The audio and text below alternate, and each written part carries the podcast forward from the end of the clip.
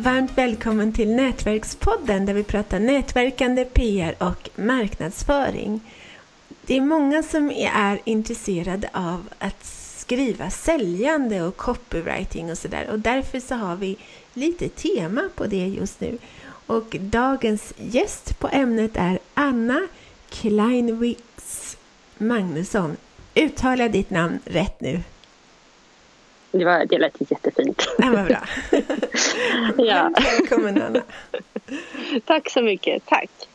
Vem är du? Jag driver två företag. Stockholms skrivbyrå som eh, hjälper företag och myndigheter att skriva texter. Eh, främst då för digitala kanaler eftersom det handlar så mycket om det i vår eh, kommunikation idag. Så vi håller på mycket med content marketing och sökmotoroptimering och strategier för kommunikation. Och så har jag ett företag som heter Knack Rekrytering. Där eh, rekryterar vi och hyr ut konsulter till moderna marknadsavdelningar och byråer som behöver eh, hjälp i, den här, i det här arbetet. Och sen är jag lärare och föreläsare. Jag föreläser, föreläser mycket för marknadsavdelningar och kommunikationsteam och är ansvarig för copywriting-kväll hos Bergs också. Gud, så det är mycket, mycket skriva. Ja. ja. ja. Vad kul! Jag har också drivit bemanningsföretag för reklam och mediebranschen, men det var typ hundra år sedan. Och jag var tredje okay. ut i Sverige med att göra det. Oj! oj. Ja. Så jag var tidig. Ja. Vad kul! Mm. Alltså vi är kollegor kan man säga, fast i olika ja, årtionden. ja. ja. Men berätta, du skulle berätta något jättespännande. Ja, men jag tänkte, eftersom temat är säljande texter så tänkte jag att jag skulle ge tio tips på hur jag eh, föreslår att man be, beter sig om man ska skriva en bra text som når fram till mottagaren. Ja, det är strålande. Ja, men jag skulle också vilja börja med att säga att just säljande texter för mig klingar inte så bra för man vill ju inte vara säljig i en text. Det är liksom det man vill undvika tycker jag. Så vi ska prata lite om hur man inte blir säljig i sina texter men ändå når fram. och jag tycker att det är jätteviktigt att man eh, innan man börjar skriva tänker igenom ordentligt vad det är man håller på med egentligen.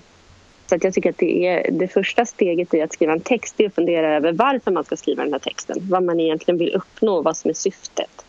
Och sen tänka igenom vem man vill nå fram till. För man kan inte nå fram till alla med en text. Utan man måste, man måste försöka begränsa sig och välja vem man vill prata med. Och då är det jättebra att eh, ha en typ av person framför sig. För det blir lite lättare att skriva en text som blir äkta och engagerande om man vet ungefär vem det är man snackar med. Ja, ungefär som du gjorde inför det här samtalet. Det är inte så många som gör det, men du frågade vilken målgruppen är. Det var jättebra.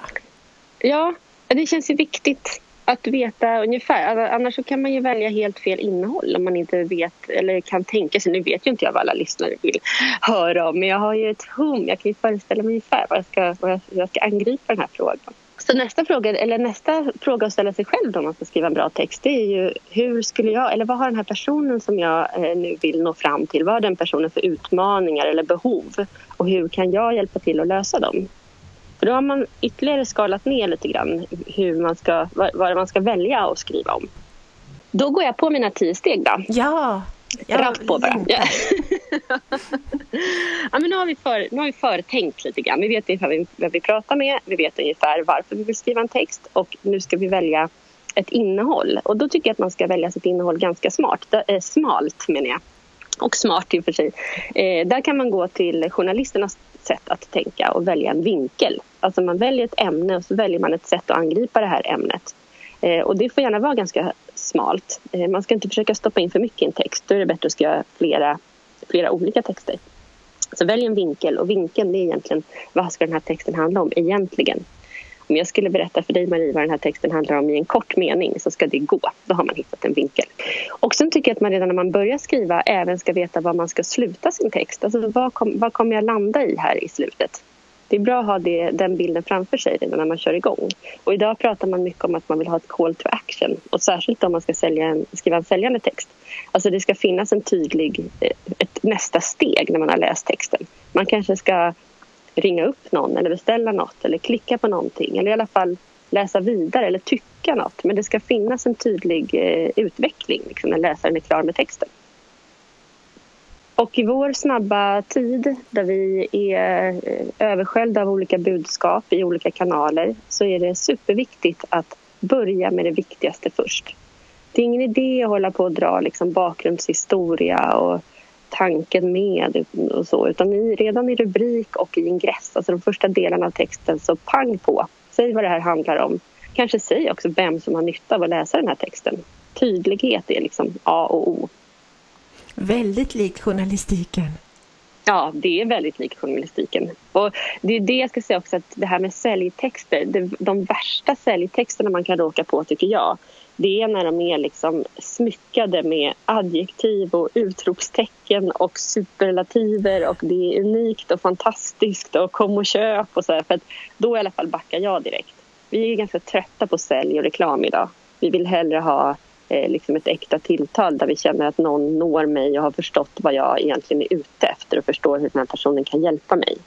Så att man kan liksom försöka tona ner sin text lite grann och inte vara så skrikig även om det är en text som ska sälja någonting. Sen ska man inte krångla till det. Det är lätt också att känna, i alla fall när man är en ovan skribent, att man liksom ska använda lite svåra ord och att man ska göra lite snygga meningar och så. Jag tycker man ska försöka skala av det och vara så tydlig och rak och uttrycka sig så enkelt som möjligt egentligen. För att alla ska förstå och för att det ska vara lätt att ta till sig. Nu är jag på nummer fem. Oj, här går det undan. I listan. Ja. Ja, Jag, men jag har det inte varit jättebra duktig på att numrera här. nummer fem. Eh, man ska hålla ett bra tempo, tycker jag. Eh, och det kan man göra genom att eh, blanda korta och långa meningar. Finns det något antal, visst antal ord som är max? Är det typ sju ord eller sådär som man bör ha? Eller finns det någon gräns där? Nej, inte direkt antal ord så, men jag tycker att man kan... Eh, man ska inte vara rädd för att göra för korta meningar. Alltså man kan ha en mening som är några ord bara, två, tre ord. För det ger en väldigt bra... Liksom, läsaren eh, reagerar när det kommer en så kort mening. Eh, man kan tänka att man gör stycken i form... Alltså man kanske har två, tre meningar i ett stycke och en, ett, en hel säljande text kanske inte ska vara mer än Ja, jag vet inte, fem, sex stycken. Eller tre om de är lite längre. Men, det, men man vill inte gärna ha ett för långt... Alltså om det är en säljande text i form av till exempel ett säljbrev då kan man inte anta att läsaren har jättemycket tid på sig att läsa utan man kanske måste göra en, ganska kort inbjudan till mer läsning någon annanstans. I USA, amerikanska säljbrev, de är ju hundra sidor långa. Fungerar Ja. det? Tycker du att det fungerar i Sverige? Alltså det går jättebra att skriva långa säljande texter också. Det finns ingenting som säger egentligen att vi inte vill läsa en lång text men då ska den vara riktigt bra och då ska den träffa rätt. Och därför så kan man tänka att man istället gör ett, kort, en- liksom ett kortare... Det beror också lite grann på var i säljprocessen man är och var man möter den här personen, vilken kanal och eh, hur långt den här personen har kommit i sin eh, köpresa eller vad man ska säga. Är det en första kontakt eller vet vi redan att den här personen är intresserad av en produkt eller en tjänst och vill veta lite mer, då kan man ju verkligen vara ingående och berätta mycket, mycket mera. Så det där hör egentligen till förarbetet, att fundera över vem är det jag pratar med, vad har den här personen för behov just nu? Och det kan ju skifta över tid förstås. Så ju mer man vet om sin mottagare desto lättare blir det att skriva en text som, som liksom uppnår sitt syfte. Nummer sex då, det är en påminnelse igen om att glöm inte vem det är du pratar med. För det är lätt när, nu när man har börjat skriva och man blir liksom helt uppe i texten och det kanske rullar på och, och orden flyter och så här. Och så plötsligt så kanske man glömmer bort vem det egentligen var man pratade med och var den här personen befinner sig just nu. Så att försök hela tiden att eh, hålla det i huvudet och försöka begränsa vad som ska med och vad som inte ska med i just den här texten. Sen kan man ju ha såna här älsklingar om man kommer på att det här vill jag verkligen berätta för någon. Men då får man spara det. Då kan man idag med våra fiffiga textverktyg kopiera eller klippa ut och klistra in i ett annat dokument så har man början till en annan text där som kanske blir jättebra vid ett annat tillfälle. Det är ju faktiskt lugnande för man har ju sina älsklingar som man vill ha med. Men de Ja. passar ju inte alltid. Nej, precis. Det är ju det där. och det där är verkligen en träningssak. Alltså att, eh, att bli bättre på att eh, verkligen välja rätt innehåll och att eh, bortse från eh, eh, sina egna, alltså det man blir förtjust i och där man tycker att man gjorde något snyggt. Att det kanske inte får komma med ändå. Mm. Eh, och det leder till mitt sjunde råd som är kort och gott stryk. Alltså när man har skrivit en text så är det bra att gå igenom den och så stryker man allt som inte behöver vara med egentligen. Och man stryker upprepningar, man stryker, stryker eller skriver om kan man göra också de passager som på något sätt gör att man hakar upp sig. Där man känner att nu flyter inte texten så bra, här måste jag göra någonting. Då kan man bryta upp eller vända på en mening eller helt enkelt ta bort den.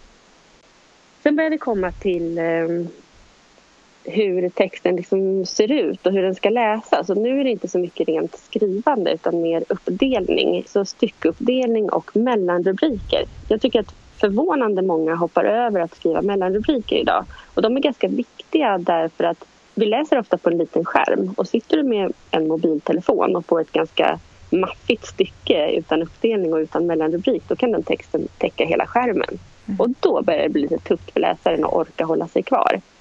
Så det tycker jag, man ska inte vara rädd för att, göra liksom fler uppdelningar. Lägg in lite luft här och var och eh, ge läsaren en chans att andas emellan.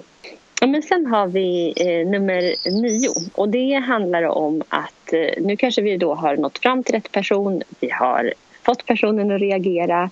Och så kan den här läsaren inte hitta någon kontaktinformation eller någon länk till vidare läsning eller någonting. För det har vi glömt bort att publicera helt enkelt. Och det får inte hända.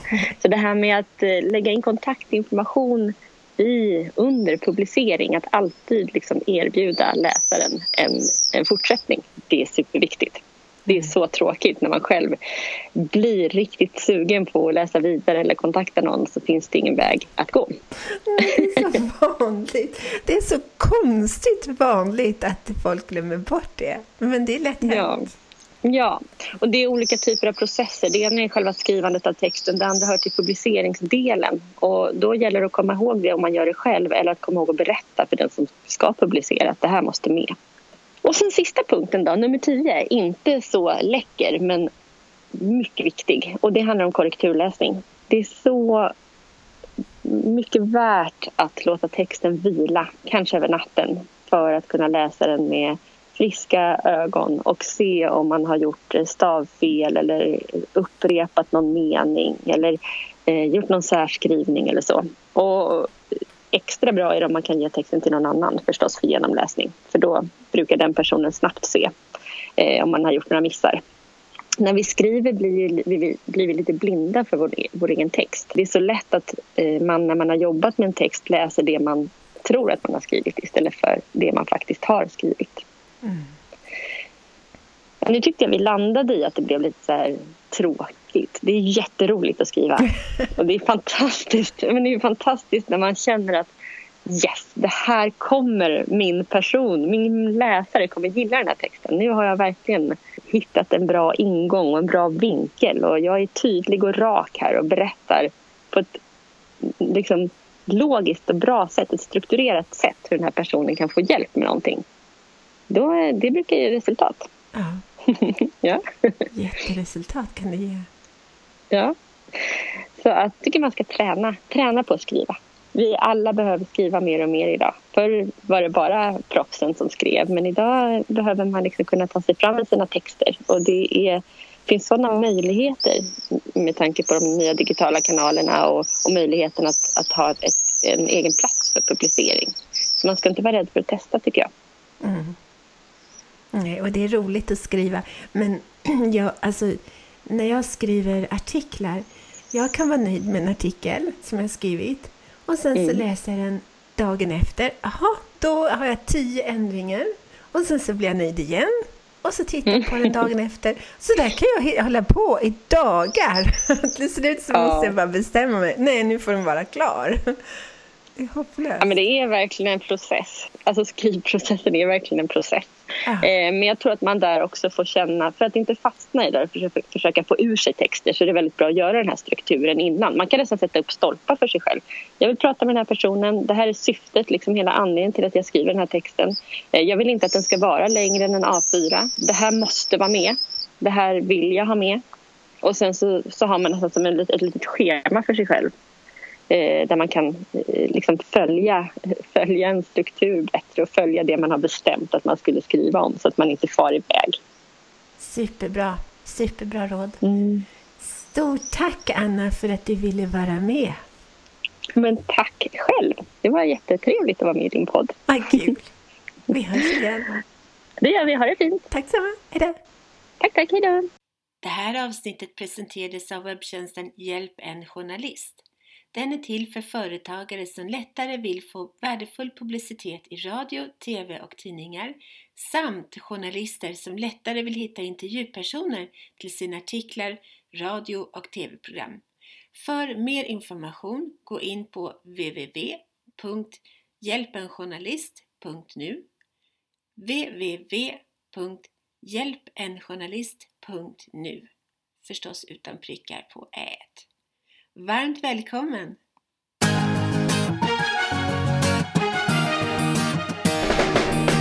Tack för att du har lyssnat på Nätverkspodden om nätverkande, PR och marknadsföring med Nina Jansdotter och Marie Hagberg.